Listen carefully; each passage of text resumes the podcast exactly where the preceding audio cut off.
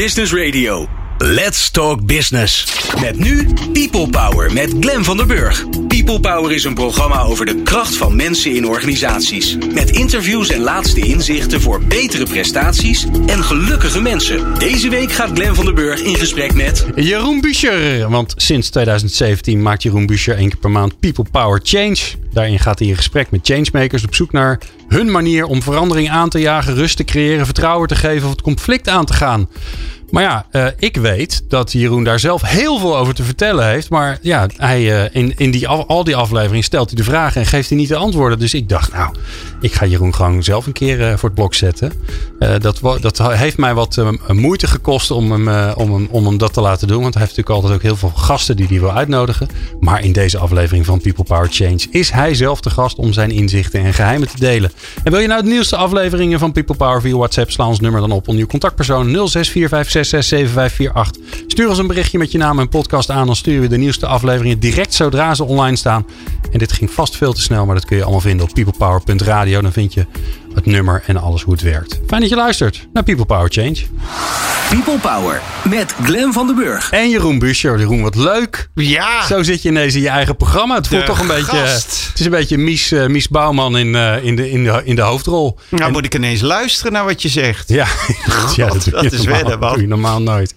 Jeroen, ehm, bij dit programma is er eh, eh, bijzonder weinig voorbereid. Maar wat er wel voorbereid is, is de eerste vraag. Wat heb jij nodig om zelf te veranderen? Och, die, ja, Mooie ik, vraag? Ik heb me nog minder voorbereid. ik heb me daar niet op voorbereid. Wat heb ik nodig om te kunnen veranderen? Ehm, ik heb in die, in die afgelopen jaren natuurlijk honderd afspraken al, eh, antwoorden gehoord. Dus ik moet even losmaken van wat ik anderen heb horen zeggen. Ehm, ehm, herkenning. Als ik, ik. Ik ben niet zo goed in herhaling. En eh, dat, dat, dat, is, dat kan je dan stoer vinden, maar je kan het ook slap vinden. Want ik vind repetitieve dingen heel lastig om te doen. Gewoon, dat is gewoon een zwakte. Maar ik vind iets nieuws doen, vind ik niet zo moeilijk. Dus ik kan eh, wel improviseren, maar heel moeilijk een tekst die ik al weet opzeggen, bij wijze van spreken. Nou, dat weet jij. En ehm, als ik te veel herkenning heb, dan, eh, dan slaat er iets in mij aan. Dan wordt, het, dan wordt het onrust. Ik heb zelf wel eens gezegd, je hebt zo'n beroemd psychologisch proefje. En dan, dan heb je zeven mensen in de, in, de, in de kamer. Zes daarvan zijn acteur, maar dat weet die zevende niet. Ja. En, en, de, en de ding is, houdt een blauw bordje op. En die vraagt aan de eerste acteur, welke kleur had dat bordje? En dan zegt die acteur groen. En dan denk je wat raar. Maar de volgende zegt, ja nee, het was groen, groen, groen, groen. En dan 80% van de mensen zegt uiteindelijk als Groen. laatste, het zal dan wel groen zijn Ja. geweest. En ik heb altijd mezelf omschreven, mijn kracht en mijn zwakte is dat als ik in die proef zit en ze houden een bordje op en dat is blauw. En de eerste acteur zegt, ja het was blauw. Het was ook blauw. Dat ik na zes keer denk, dat kan geen blauw geweest zijn. Dat moet groen zijn. Nee, ja, dat moet wel iets anders zijn geweest. Was het wel een bordje? Dus als ik de dingen te veel ga herkennen en ik, ik merk ook de reactie als ik te veel mensen in de groep zeggen het is zo, dan ga ik denken nou dat zou wel eens wat anders kunnen zijn. En dat geldt ook voor mijzelf. Als ik bij mezelf ga herkennen, oh dan ga ik dit beweren of nou ga ik dat zo doen of nu ga ik zo reageren of ik pak dat altijd zo aan. Dan komt er een automatische drive om te zeggen nou dan, dan moet het dus zo nu niet. Dus herkenning is voor mij de grote trigger. Ja, herkenning en, en, en dus ook een soort van standaardisering of zo. Een soort eenheidsworst. Ja, weet je, het grootste gevaar in. Zit je ook wel eens in de weg volgens mij, toch? Dan? Tuurlijk, tuurlijk. De, de, de, eh, Mathieu Wegman die introduceerde ooit een mooie term bij mij, pigeonholing. En dat is het effect dat eh, de klant een vraag stelt, maar voordat diegene de vraag stelt, weet jij het antwoord eigenlijk al. Want wij, wij werken volgens die methodiek en die methodiek past altijd. En Ja. zoals Harry Starre ooit terecht zei, hij zei ja, of het is dat die klant al weet wat jij moet doen, zonder dat die klant nog weet wat eigenlijk het probleem is. en en, en dat, is, dat is een terechte angst of eh, waarneming. Eh, veel bureaus, veel veranderaars. Ik, ik noem mezelf dan ook stratege op het gebied van veranderen.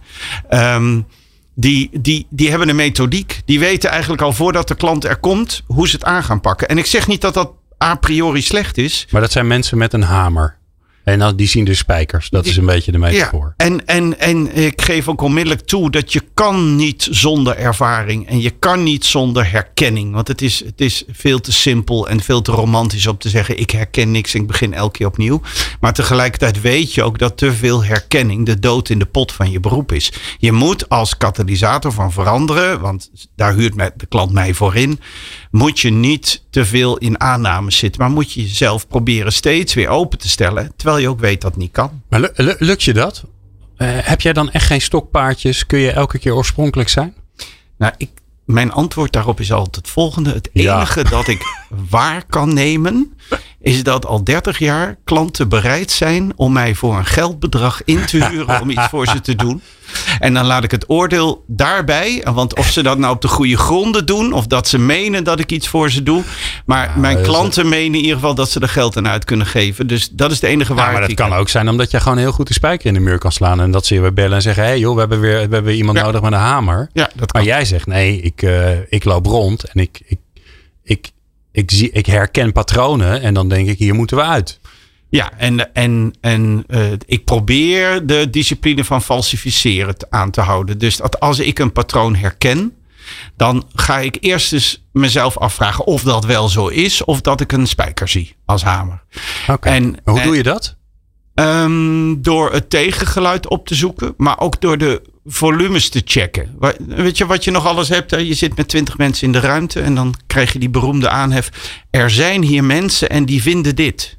En dan al snel gaan die woorden heel zwaar wegen, omdat iedereen dan denkt, nou, ik zal wel gek zijn. Maar blijkbaar, hè, mensen vinden het heel makkelijk om voor anderen te spreken dat ze iets vinden. En, en dus als je in een bedrijf wat gesprekken aangaat met mensen, of je gaat wat rondkijken, want ik praat niet altijd met ze, want ik vind het soms veel belangrijker om gewoon maar eens te kijken hoe ze rondlopen. Maar goed, ik praat natuurlijk ook met mensen. Dan, dan gaan mensen al snel spreken over wat anderen zullen vinden. Maar zij hebben het eigenlijk over wat ze zelf vinden. Dus uh, als, het, uh, als het zo is dat. Want het is een veilige manier om te zeggen dat jij vindt dat iets anders moet. Ja, je voelt je sterker als je zegt, want iedereen vindt dat wat ik vind. Ja. Maar dan moet je dus zo niet zeggen. Dus zeg je, er zijn hier mensen en die vinden dit. Ja. ja. En dan kun je zelf zeggen, oh, ik zelf heb er geen last van. Nee. En um, dus, dus uh, volume geldt wel. Als ik een verhaal tien keer terug hoor komen dan, uh, dan, dan uh, ik heb wel eens een keer bij een intake het volgende gedaan. Dan had ik, uh, ik, doe, ik heb niet zoveel geduld, dus ik praat met tien mensen. Ik ga niet, je weet je, de KPMG's van deze wereld, die gaan met 90 mensen, want dan kunnen ze heel veel uren declareren. Dat snap ik ook wel, maar ik, je hoort toch steeds hetzelfde verhaal. Dus ik heb eens een keer voor de grap een experiment gedaan, was bij een ministerie. Toen zei ik, ik ga met tien mensen praten. Wat denk jij dat zij mij gaan vertellen? Maar het frappante was dat al die mensen wel beweerden dat die anderen allemaal hetzelfde gingen vertellen. En dat was toch wel waardevol. Omdat ik denk, ja, maar hoe, hoe kunnen ze dat van elkaar weten? Dan neem, dan neem je toch iets waar. Maar je kreeg dus tien verschillende verhalen? Nee, tien dezelfde verhalen. Tien dezelfde verhalen. Ja, hmm. Over wat die anderen wel niet zouden gaan vertellen. Dus ja, dat, dat. Maar ik ben geen wetenschapper, dus ik kan niet tot het putje bewijzen. Ik moet het met een hunch feeling doen. Ik moet met. met een... Nou, maar dat gaat verder. Want als je een hunch hebt, dan doe je gewoon hè, dan doe je een intake met de opdrachtgever en dan zeg je: Ik hoor het al. Ja. Ik hoor al wat het hier het probleem is. Gebrek aan creativiteit. Hamer. Of, uh, ja, ik heb een hamer. Ik ga weer een spijker slaan. Jij gaat eerst op onderzoek uit. En, en, is dat altijd stap 1? En ik probeer de optie aan te houden. Dat is ook een moeilijke. Uh, dat is, uh, stap 1 is dat ik, dat ik probeer te begrijpen wat de klant mij probeert uit te drukken. En, maar dat wil niet noodzakelijkerwijs zijn dat dat de correcte vraag is. Ik word erbij gehaald omdat mijn klant meent dat ik ergens verstand van heb. Of dat ik het al wat langer doe. Of dat ik een boek heb geschreven. Weet ik veel, zoiets. Die heeft daarvoor zijn of haar moverende redenen. En die gebruikt taal. Maar die taal die hoeft niet naar een werkelijkheid te verwijzen. Dat zijn de woorden die mijn klant heeft. Die weet ook niet beter. Dat geeft niet. Daarvoor word ik ingehuurd. Hmm. Dus ik luister naar die taal en denk waarom gebruik je die taal? Wat, wat is er dan? Want het kan ook heel goed aan de ego van de vraagsteller liggen. Wat er aan de hand is. Ja. Ik, ik probeer bijvoorbeeld altijd ook als default optie. Wat als we niks doen? In mijn hoofd. Als ze nou niks doen, zou dat eigenlijk erg zijn. Wat gaat er dan mis? Ja, of als we niks doen, lost het dan niet vanzelf op? Of uh, is de vraagsteller niet het probleem zelf? Ja. En dat zijn best lastige, want het liefste heb ik dat er een groot cultuurprobleem is met heel veel leiderschapontwikkelingsmogelijkheden. Uh, want dan, dan, dat zijn de meeste uren, dan kan ik het meeste doen. En, uh, hoe voorkom je van je voor jezelf dat je in die valkuil valt? Nou, Want soms is de oplossing, soms is de oplossing misschien wel dat je moet zeggen: ja, sorry jongens, maar weet je, Het, is gewoon het probleem wat jullie zien, dat is er helemaal niet. Ja. Ja. Of ik ben niet degene die je hierin kan helpen. Dat is moeilijk. Het, uh, eigenlijk door iets heel flauw commercieels. Dat, uh, ik heb het woord van mijn vader. En die zei: Jongen, uh, bij ondernemen is alles recommendatie. Ik vind het zo goed woord. Niemand gebruikt dat bijna nog, maar ik vind het een recommendatie. Dus dat wil zeggen, dat je, dat je tegen de buurvrouw zegt: Oh, je moet bij Slagerij Jansen. Hij had geen slagerij hoor. Maar je moet bij Slagerij Jansen, die hebben goede worst. Ja. Dat is recommendatie. En ik ben uiteindelijk, ik heb eh, negen boeken geschreven. Ik schrijf talloze artikelen. Ik sta op LinkedIn. Ik maak radio met jou. Wat de fuck? Oh, wat heb ik wel niet allemaal gedaan? je bent er, ja. En als ik aan mijn klanten vraag: Hoe kom je bij mij, bij een nieuwe klant? Dan zeggen ze eigenlijk altijd ongeveer hetzelfde. Uh, dat ze, dat ze voor zich uitmompelden met een collega in de buurt. Ja, we zouden eigenlijk iemand moeten hebben die zoiets als. En toen zei diegene, ja, ken je Jeroen Buscher? En ja, antwoordde diegene, nee, die kende ik niet. Want ik, of die zei, ja, die heb ik wel eens van gehoord. Maar goed, laten we er even vanuit gaan. 98% zegt nee, die ken ik niet.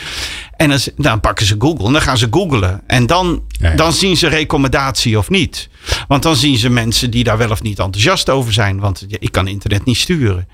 En, en vanuit daar gaan ze dan kiezen. Dus ik, eh, wat is mijn default? Altijd denken ik ben succesvol als mijn klant aan anderen gaat doorvertellen, je moet met hem werken. Ja. Want anders komt die allereerste, ken je Jeroen Buscher? Dan ga je, of ze zeggen, ken je Jeroen Buscher? Die moet je niet doen. die, die, daar heb ik geen zicht op. Maar dat zullen er ook zijn. Maar de meeste die bij mij komen, die hebben van iemand gehoord, je moet dus denken aan zo iemand als Jeroen Buscher. En dan gaan ze googlen en dan komen ze bij mij. Dus eh, voor mij is die recommendatie belangrijk. En dat wil zeggen, bij elke opdracht moet ik steeds denken, help ik hier waarlijk deze organisatie mee? Help ik hier waarlijk mijn klant mee?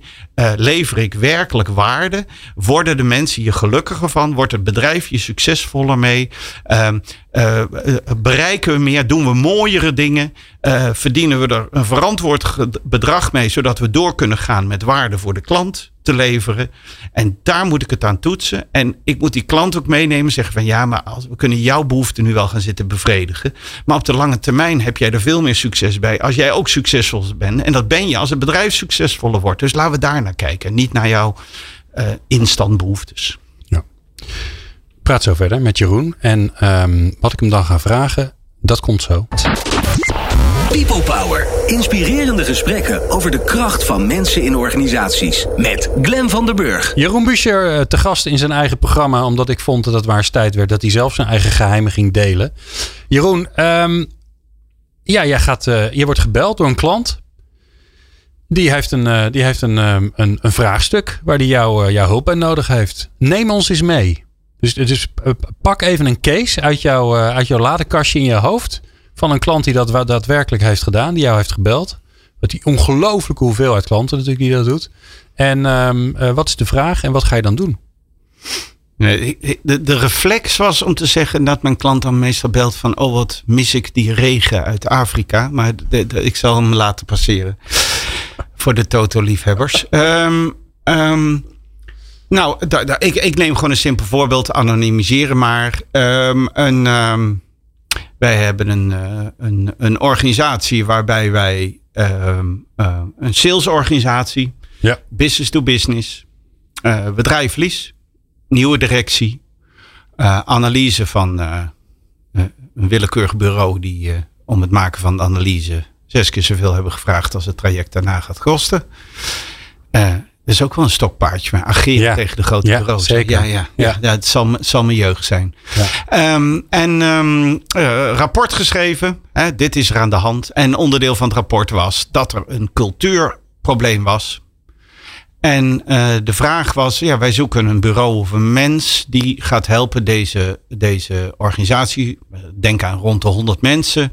Wat doen ze? Ze verkopen contracten, ze onderhouden de relatie en ze kunnen gebeld worden als er, als, als er vragen zijn ja. van klanten. 100 mensen bij elkaar. Ja. Um, onderdeel van een grote organisatie, maar dat doet er niet toe. En um, we maken verlies en uh, we moeten winstgevender worden. En we willen een, een cultuur waar we meer met elkaar samenwerken en waarin we gaan zorgen dat we ook winstgevend worden. De, veel klanten vragen nog altijd vanuit in het Excel-sheet rechtsonder. Uh, maar dat geeft niet. Dat is, dat is de taal die ze hebben, zoals ik al zei. Nou, wat ga ik doen? Hoe begint het? Ik ga eerst eens vragen waarom ze het aan mij vragen. Wat ze dan voor verwachtingen hebben. Wat ze dan voor zich zien. Wat, dat, wat ze dan zelf waarnemen. Volgens of ze het goed vinden dat ik met een paar mensen ga praten. Dit was nogal significant groot. Dus ze hebben, ik heb eerst moeten pitchen van hoe pak jij nou zoiets aan? Ja. Kortweg is het antwoord, ja, dat weet ik ook nog niet. Dat ga ik dan maar bekijken. En het is zeg maar een soort, een soort, soort gallery show waarbij je bescheiden opsche opschept. Weet je wel? Dus je, je, je, probeert wel dingen te laten zien dat die klant denkt, hij kletst niet alleen maar. Hij relativeert wel, maar is, het is geen nitwit. Nou, bij dit verhaal dachten ze, misschien moet hij dat dan maar doen. Um, ga ik met een paar mensen praten. En dan probeer ik de, de, bloed, de, de, de, eigenlijk de lokale dynamieken. Want 100 mensen. Met wie ga je praten? Want je ja, met alle een doorsnede. Ik zeg dan van ik wil een doorsnede. Daar mogen managers doorzitten, maar er mag ook uh, rechts uh, drie hoog achter. Een aantal mensen uit de organisatie die niet de grootste monden hebben, niet de kleinste monden. Ja. At random, maar wel als het kan uit alle hoeken en gaten. Dus ja. een beetje verschillende soorten. Dat we niet alleen maar sales agents met een grote mond aan tafel hebben. Maar dat we ook uh, ja, een bescheiden iemand van de administratie hebben. Ja. En de, daar ga ik dan vragen wat ze zelf meemaken. Wat ze ervaren. Ik ga ze ook vragen hoe ze denken dat het komt. Dat we een organisatie zijn die verliesleidend is. En waar het ook, mag ik wel zeggen, niet zo prettig was om te werken. Laat ik het zo zeggen. Um, uh, hoe dat volgens hun komt. Wat volgens hen de oplossing zou zijn. Uh, waar ze van dromen. Ik ga ze gewoon eens bevragen. Ja. En dan ga ik vervolgens met management praten. En vragen, hoe, hoe zien jullie dat eigenlijk? En hoe zien jullie mij, jullie rol? En wat is dat eigenlijk, leiding geven, et cetera. En dan krijg ik langzaam een gevoel. En dan komen dat beroemde laaghangend fruit. En ik zal je bijvoorbeeld voorstellen. Dit was een uh, managementteam. En toen heb ik voor het managementteam, die zag ik met elkaar omgaan op een manier waarvan ik denk, ja, maar die hebben het nergens over. En dan verzin ik een hele simpele interventie, hoe we gaan zorgen dat we met elkaar eens bespreken, wat is eigenlijk leiding geven aan gedrag. Dus wat betekent dat eigenlijk voor jou als leidinggevende? Dus ik heb dat gesprek geanceneerd. En ik verzin heel lang laaghangend fruit. Ik hoor dan bijvoorbeeld tot tien keer langskomen, ja, het management, die zien we nooit. Die vragen nooit wat. Als ik een idee inbreng, maar ik hoor er nooit meer wat van. Dus ik ben ermee opgehouden. Ze behandelen me als kleine kinderen. Zeg maar grofweg was dat wat ik daar hoorde.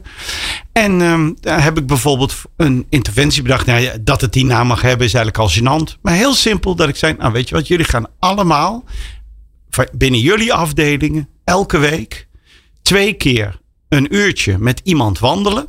Dat ga je de komende uh, vijf weken vraag ik jullie om dat te investeren. Um, als je het niet wil, dan is het niet. Maar dat is wat ik jullie vraag. Twee keer met iemand wandelen die je eigenlijk nooit spreekt. Binnen jouw club. En dan vraag je aan, hoe is het ermee? En je gaat hem niet coachen, je gaat hem niet adviseren, je gaat niks voor ze oplossen. Je gaat alleen maar luisteren, je gaat alleen maar hm, hm doen en je gaat niet iets uitleggen. Je maakt duidelijk, ik wil graag van je horen hoe het ermee is. En dat vinden mensen waarschijnlijk leuk. En dan ga je gewoon wandelen met ze. Of je gaat in een veilig plekje zitten. Wandelen is altijd veel beter om allerlei Ja. technische redenen. Maar goed. Ja, dan hoef je elkaar niet in de ogen aan te kijken. En dan gaan we het over een paar weken nou eens met elkaar erover hebben. Wat horen we die mensen nou zeggen? Nou, dat bleek echt al een soort explosie. Want, want, want ze zei, het eerste wat je, wat je daarin bijvoorbeeld dan hoort. En daar brei ik dan volgens op voort. Ja, mensen waren, die zeiden ik werk hier al twintig jaar. Er heeft nog nooit een manager aan mij gevraagd. Nou ja, voor jou, jij bestaat nu te glimlachen. Voor jou herkenbaar. En dan, dan heb ik een aangrijping. Ik zeg, goh, zou het soms kunnen betekenen dat er weinig aandacht is voor wat de professionals denken en voelen? En denken wij dat wat die professionals willen en denken en voelen, dat het allemaal geklaag en gezeur is? Of denk je dat die wat kunnen bijdragen aan ideeën hebben over hoe we het hier beter zouden kunnen doen? En op welke manier zouden we die kracht dan los kunnen gaan laten? Maar eigenlijk probeer ik, en dat heeft ook te maken met die hamer en die spijker, altijd met voortschrijdend inzicht te werken. Want anders kom ik met, ik beschrijf in, in boeken, want dat, dat is voor mensen die, die je boeken lezen prettig, voorbeelden van interventies in bepaalde gegeven. Laatste, de ene laatste boek, Leerrevolutie, zeg ik, nou, hoe maak je nou een lerende organisaties? En dan vertel ik een paar strategieën. Maar dat is natuurlijk helemaal niet hoe je het moet doen. Maar dat zijn voorbeelden van wat je ooit doet. En binnen no time denk jij, oh, ik ga hier een peer academy beginnen. En dat denk je al voordat je binnen bent. Maar dat is maar de vraag of dat de kwestie is. Dus Is dat het gevaar ik ook? breid door. Ja, ik werk met voortschrijdend inzicht. Maar is, ja. het, is het gevaar ook dat je soms zo blij kan worden van je eigen Ja. ideetjes. Ja. Dat je denkt, ik ga dat hier doen. Terwijl dat eigenlijk helemaal niet zo Absoluut. eh, effectief is. Ja, absoluut. En, en, en er zijn ook, kijk, een, je moet een aanpak hebben die nieuw en verfrissend is. Maar mensen eh, hebben ook herkenning nodig om iets te kunnen begrijpen.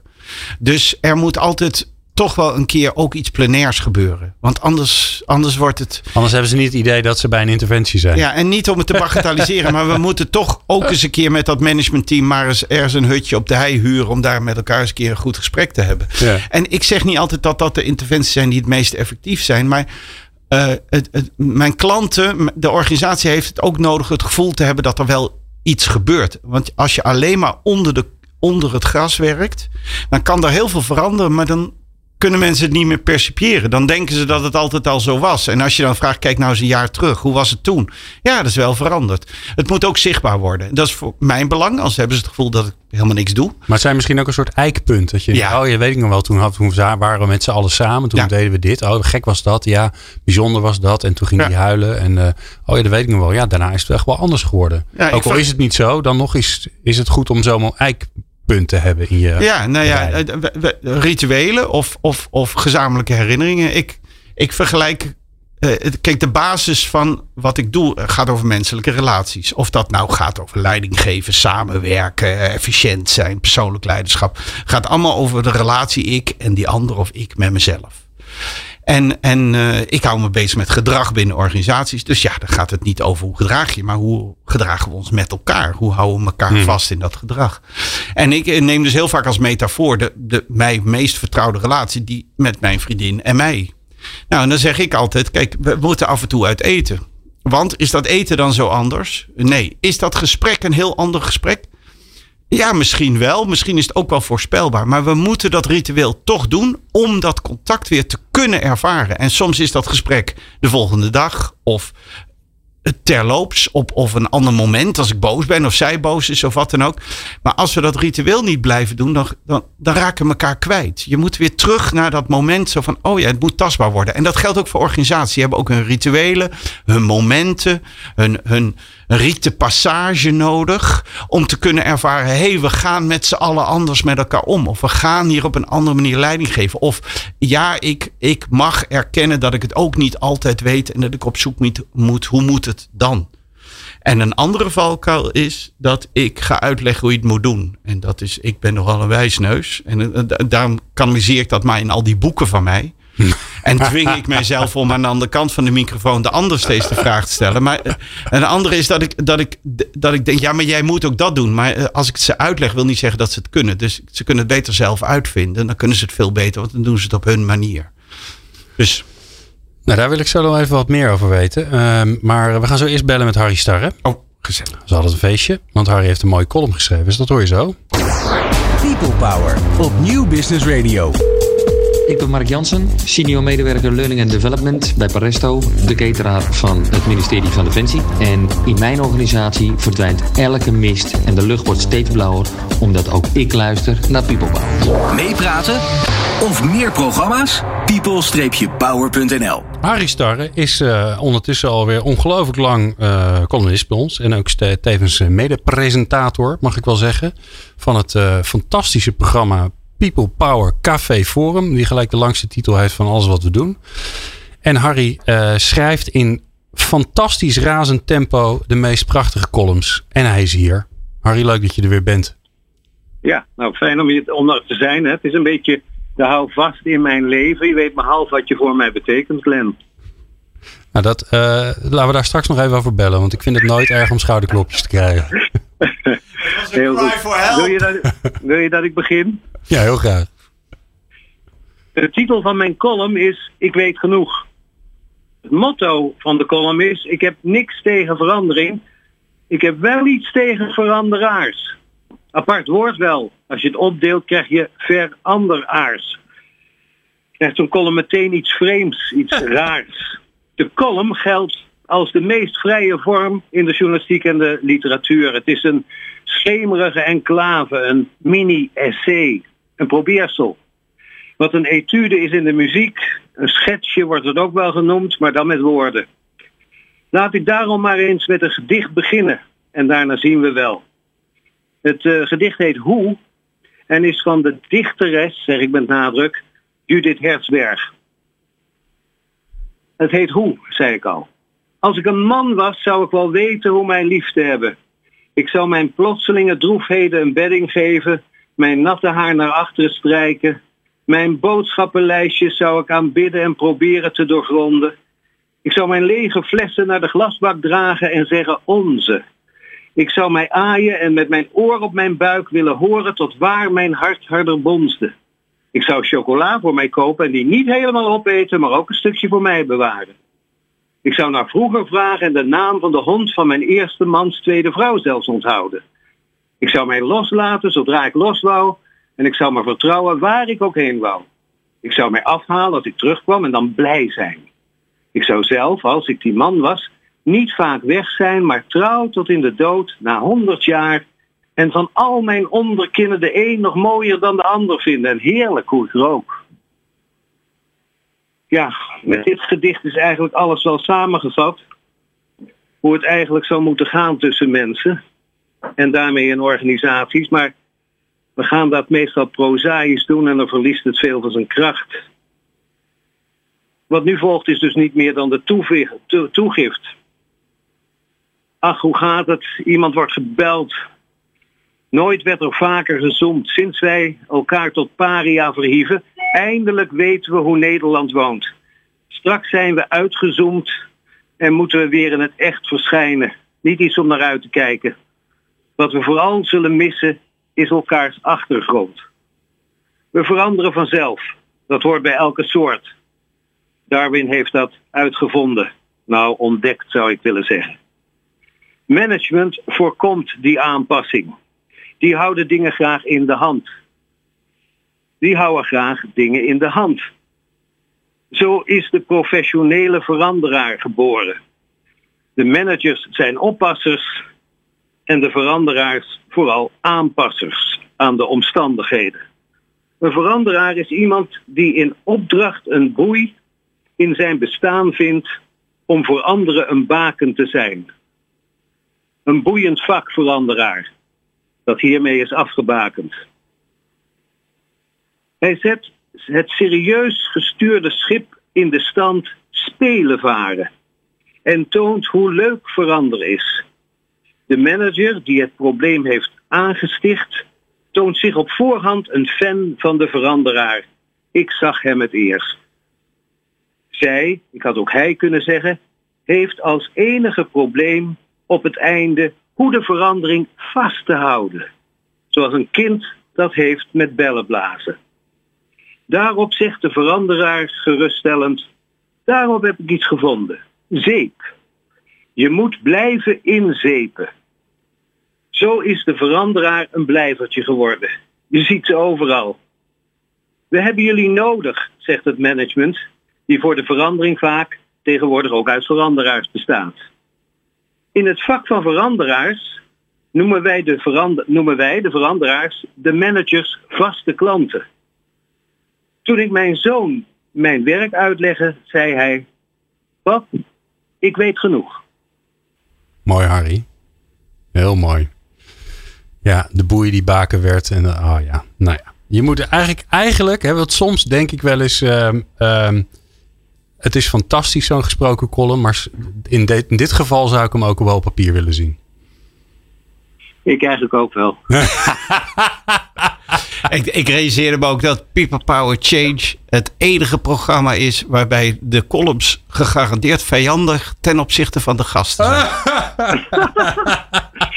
ik, ik dacht, ik geef je iets om over verder te praten. Nou, dat is gelukt.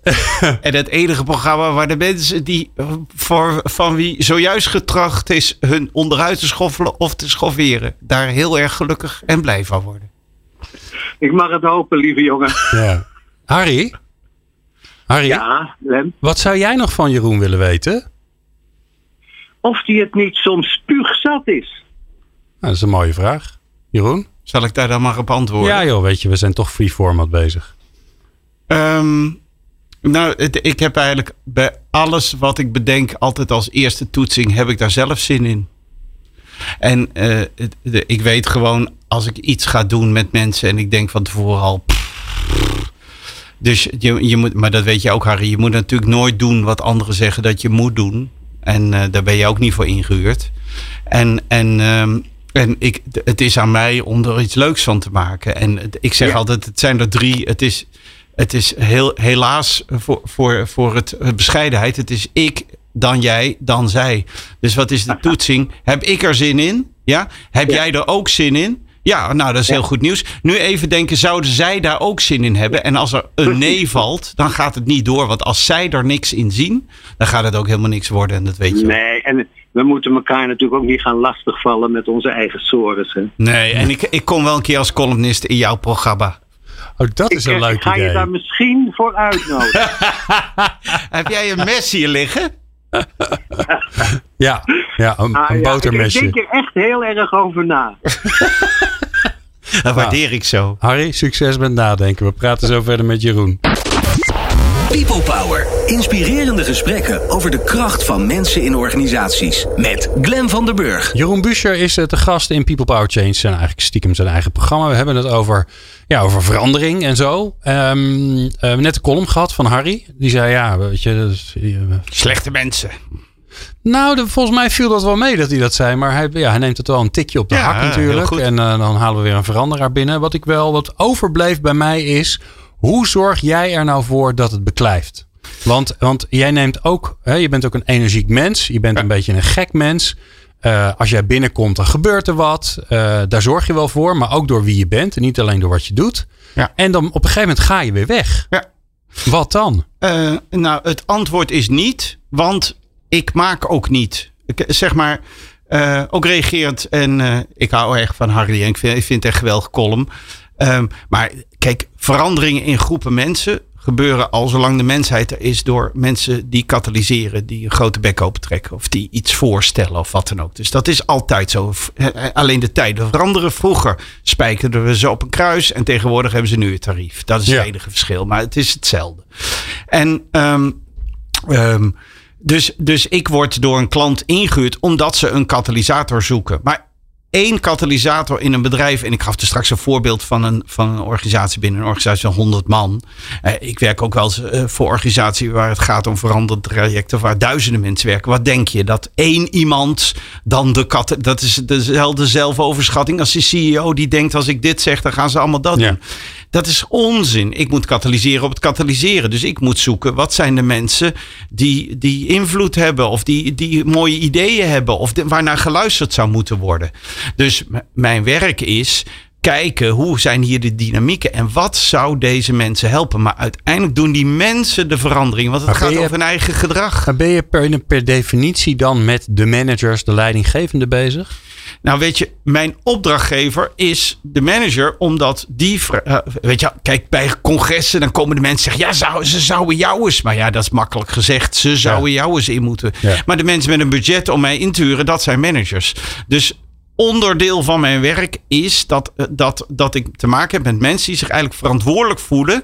Terecht, onterecht, maar vanuit hun functie voor een groep mensen. En die hebben ook ideeën over hoe die mensen met elkaar zouden moeten doen. En die hebben niets menselijks, is wie dan ook vreemd. Ook de indruk dat ze daar zelf geen schuld aan hebben. Maar ze beseffen ook erg, ja, dat zal ik wel aan bijdragen.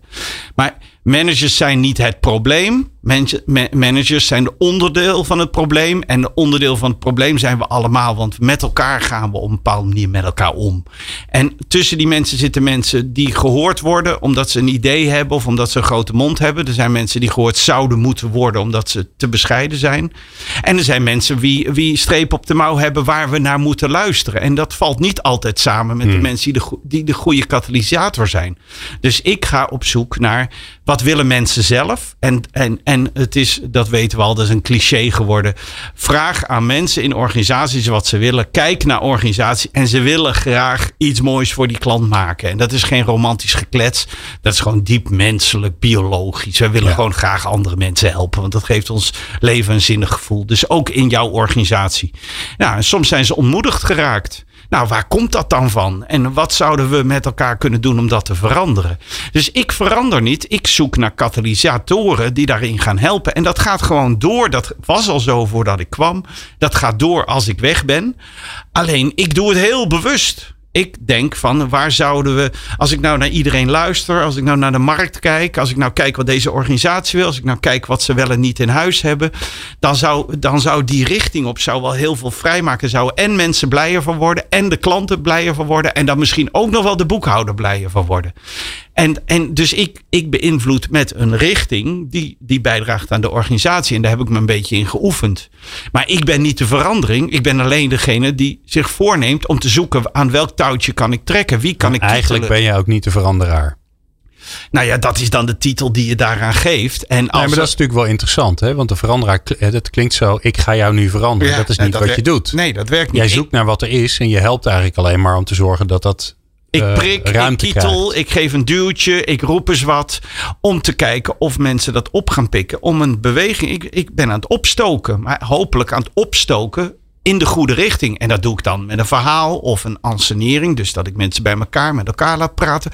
Of de hulp te vragen. Hé hey joh, zullen wij met z'n allen? Of te zeggen, nou, ik nodig je uit, want we gaan eens iets bedenken. Of uh, aan mensen te, vragen te stellen. Goh, waarom doe je dat eigenlijk de hele tijd? Maar mijn invloed is maar beperkt. Maar ik zoek dan ook die hefboom. Ik hoef niet die mensen te veranderen. Ik moet kijken wat die mensen helpt om te veranderen. Dus wie zouden hier een grotere bond moeten hebben? Uh, wie zijn hier de sjaak? En hoe komt dat? En hoe kunnen die zelf wat assertiever worden? Maar misschien hoe kunnen ook anderen wat meer rekening houden met die mensen? En ik, ik doe mijn best en ik ben niet almachtig. En ik trek aan touwtjes en ik geef duwtjes en ik kieteles en ik gooi ergens een glaasje water overheen en ik roep eens een keer boe. En, en, en ik doe mijn best. En uh, geen garantie voor resultaat, zeg ik altijd. Daarvoor is het veel te complex. Ik doe mijn best. En vraag maar aan andere klanten of ze het gevoel hebben dat ik impact heb. Zo niet, dan moet je het niet doen. Dan raad ik het af. Wanneer ben je klaar? Nooit. Dat is het lekkere. Harry heeft helemaal gelijk. Ja, het verandert altijd door. En er, en er zullen altijd maar blijf jij zelf... Ja, nee, maar wanneer ben je klaar binnen een organisatie? Ja, nee, dat is jouw eerste vraag. Op het moment dat ik te veel ga herkennen, dan is mijn tijd over. Ik, ik probeer eigenlijk altijd zelf het contract als beëindigd te, te beschouwen. Dat gebeurt, dat lukt me ook niet altijd. Soms zijn ze me voor. Maar ik probeer zelf eigenlijk altijd weg te gaan eh, zeg maar, voordat die klant denkt, ja, wat doet hij nou eigenlijk? En, maar voordat ik zelf ook denk, ja, ik weet al wat er komen gaat. Want ik vind dat mijn, ik heb een korte halfwaardetijd. Dus mijn langste opdracht is ooit dat ik me twee jaar lang met dezelfde organisatie heb bemoeid. Dat vond ik al heel lang. Er was wel steeds op andere aspecten met andere dingen, maar op een gegeven moment ben ik uitgewerkt. Ja. En dat is ook niet erg. Ja, ja of ik het nou erg vind of niet, maakt niet uit. kan je toch niks aan doen. Dat is doodzonde. Als hoef ik niet steeds weer nieuwe klanten te hebben. Dan kan ik eeuwig bij die klant blijven zitten. Misschien vind ik dat juist wel leuk. Nee hoor.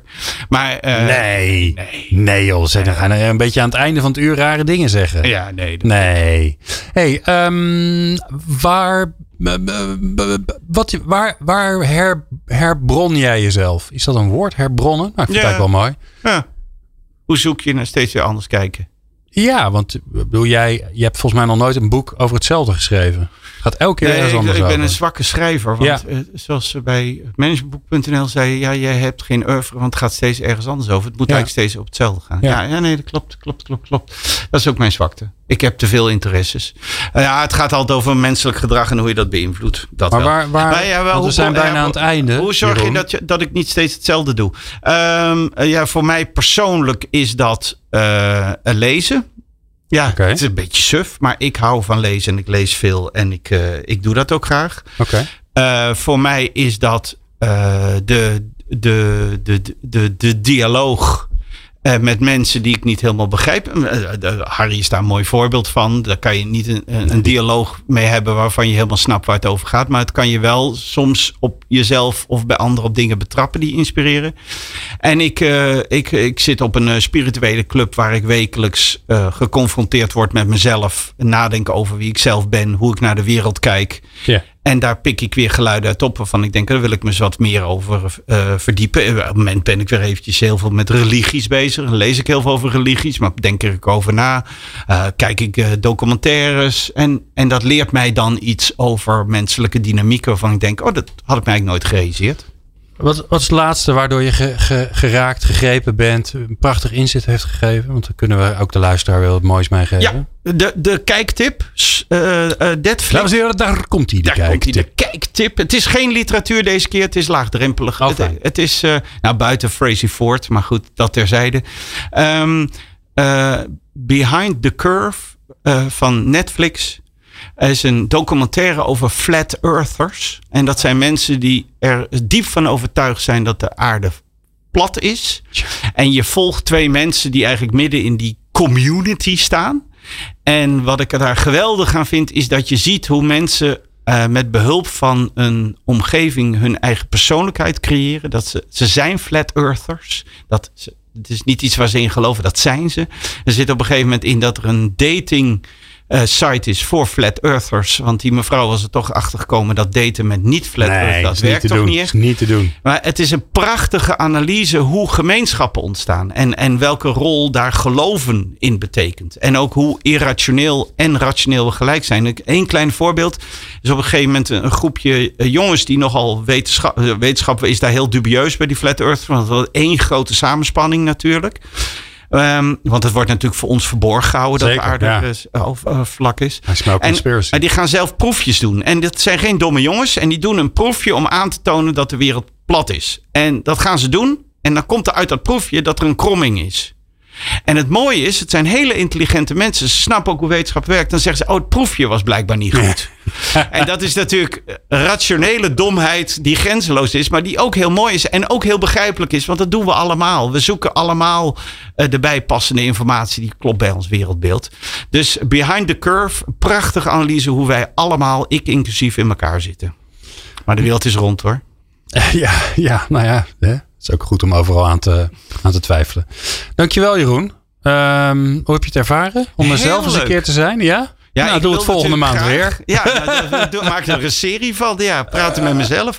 Nee, maar ontzettend leuk. En eh, bij deze wil ik je ook formeel, want je hebt me geïnspireerd door je idee, je uitnodigen om een keer gast te zijn bij People Power Oh, Change. mijn want God. deze incest moet doorgaan. De volgende keer een andere gast. Ja. Maar ik vind het wel leuk om eens om te draaien. Hoe doe jij dat Hoe eigenlijk? doe jij dat? Ja. Nou, on that thought. Ehm, eh, dank ik Jeroen Buscher. Wij zijn er natuurlijk volgende week weer. En terwijl ik dit zeg, denk ik bij mezelf... ik heb geen idee wat we volgende week gaan doen. Maar dat is dan ook wel weer een prachtige cliffhanger. Eh, wil je alles luisteren wat we wel al eh, uitgezonden hebben... en opgeslagen hebben en dergelijke? Dan kan dat. Ga dan naar eh, peoplepower.radio. En daar vind je... eh, nou, 300 nog wat afleveringen. Tot dan. Meepraten of meer programma's? People-power.nl